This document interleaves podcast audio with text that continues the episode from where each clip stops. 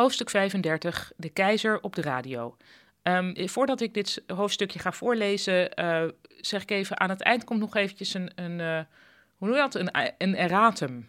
Iets wat, wat anders is dan dat hier staat. Maar eerst lees ik het maar gewoon voor zoals de mensen die het papieren boek hebben het ook voorgeschoteld krijgen. Japan is lang afgesloten geweest. Vanaf de vroege 17e eeuw tot laat in de 19e eeuw stond voor buitenlanders de doodstraf op het binnendringen van Japan en trouwens ook op het verlaten van Japan door Japanners. Die afsluiting was een reactie op de bekeringsdrift die vooral de Portugezen in het land tentoon hadden gespreid. In het zuiden van Japan waren begin 17e eeuw steeds meer Japanners katholiek geworden en de shogun zag dit als een bedreiging van zijn eigen macht. Op zijn bevel werden de missionarissen en de bekeerde Japanners overgoten met kokend water uit vulkanische bronnen en daarna ging het land op slot. Maar er moest natuurlijk nog wel handel kunnen worden gedreven met buurlanden zoals China en Korea. Dat gebeurde voortaan vanuit aangewezen havenplaatsen. Een bijzondere positie werd ingenomen door de Nederlanders. Zij beloofden geen religie op te dringen en verwierven zoals enige Westerlingen het recht om te handelen met Japan. Toch mochten ook zij het land niet echt in. Ze kregen een eilandje vlakbij Nagasaki toegewezen. Eind 19e eeuw veranderde de gesloten situatie. De Verenigde Staten wilden meer invloed in de Stille Oceaan, onder andere om aan meer walvisolie te komen. Die walvissen zwommen rond in de buurt van Japan en het leek de Verenigde Staten wel zo handig als ze de code voor hun schepen konden inslaan in Japanse havens. Daarvoor moest het land alleen wel geopend worden. Dus legden ze een vloot van vier enorme stoomschepen voor de kust, niet ver van Tokio. Een dreigend gezicht voor de Japanners, die niet goed begrepen waarom er rook uit de schepen kwam. Vanuit het ambtelijk apparaat van de shogun werden er gezanten en een tolk naar de schepen gestuurd, die in het Nederlands vroegen wat de bedoeling van de vloot was. Het Nederlands was de enige westerse taal die min of meer bekend was in Japan vanwege de eerdere handelsrelatie met Nederland. Na een ongetwijfeld onhandig gesprek probeerden de Japanners de Amerikanen naar het eilandje bij Nagasaki te sturen. Daar hadden de Nederlanders tenslotte ook gezeten en dat was lekker ver van Tokio.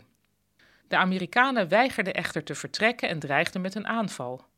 Toen gingen de Japanners snel overstag. Ze zagen in dat hun eigen oorlogsmateriaal het niet haalde bij dat van de Amerikanen. En ook drong het besef door: als Japan onafhankelijk wilde blijven, zouden ze zich juist moeten openstellen. Dan konden ze zich tenminste informeren en moderniseren. De Amerikanen kregen dus een voet tussen de deur en hielpen de keizer met het afzetten van de shogun en het teruggrijpen van de macht. Die keizer stond namelijk open voor het Westen en ging al gauw rare westerse dingen doen als op een stoel zitten, broeken dragen en vlees eten. Dat laatste moesten meer Japanners gaan doen, vond hij. Van vlees zouden ze fysiek sterker worden. Nogal een omslag, want de 1200 jaar daarvoor was het eten van vlees uit boeddhistische overwegingen in het land taboe geweest. Je zou door het eten van een dier per ongeluk je eigen gereïncarneerde voorvader kunnen opeten.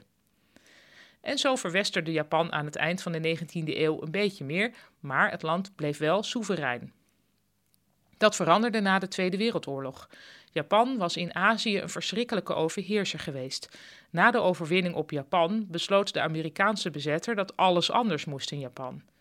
Juist het Japanse gevoel van uniek zijn, van anders dan alle anderen, had er volgens de Amerikanen voor gezorgd dat de Japanners zich zo meedogenloos en vreed hadden kunnen gedragen in China, Indonesië en veel andere landen in Oost-Azië. De Amerikanen zorgden dat Japan in 1947 een grondwet kreeg en dat er kiesrecht voor vrouwen kwam. Ook wilden de Amerikanen af van de blinde devotie van Japanners richting de keizer. Dus dwongen ze hem om via de radio te verklaren dat Japan had gecapituleerd. De keizer werd tot dan toe beschouwd als een god, zijn stem was nog nooit te horen geweest. Het radiooptreden moest hem vermenselijken. Dat gebeurde maar gedeeltelijk. Er zijn foto's van Japanners die diep aan het buigen zijn voor de radio waar die stem uitkomt. Ja, en dan komt nu nog even dat erratum, het addendum. Ik heb dus verkeerd begrepen. Op het moment van die radio-uitzending waren er nog geen um, uh, Amerikaanse militairen op Japanse bodem. Um, ik kreeg hier een aardige e-mail over van iemand die zei: dus dat hebben, ze, dat hebben de Japanners toch zelf besloten om die stem van de keizer te laten horen.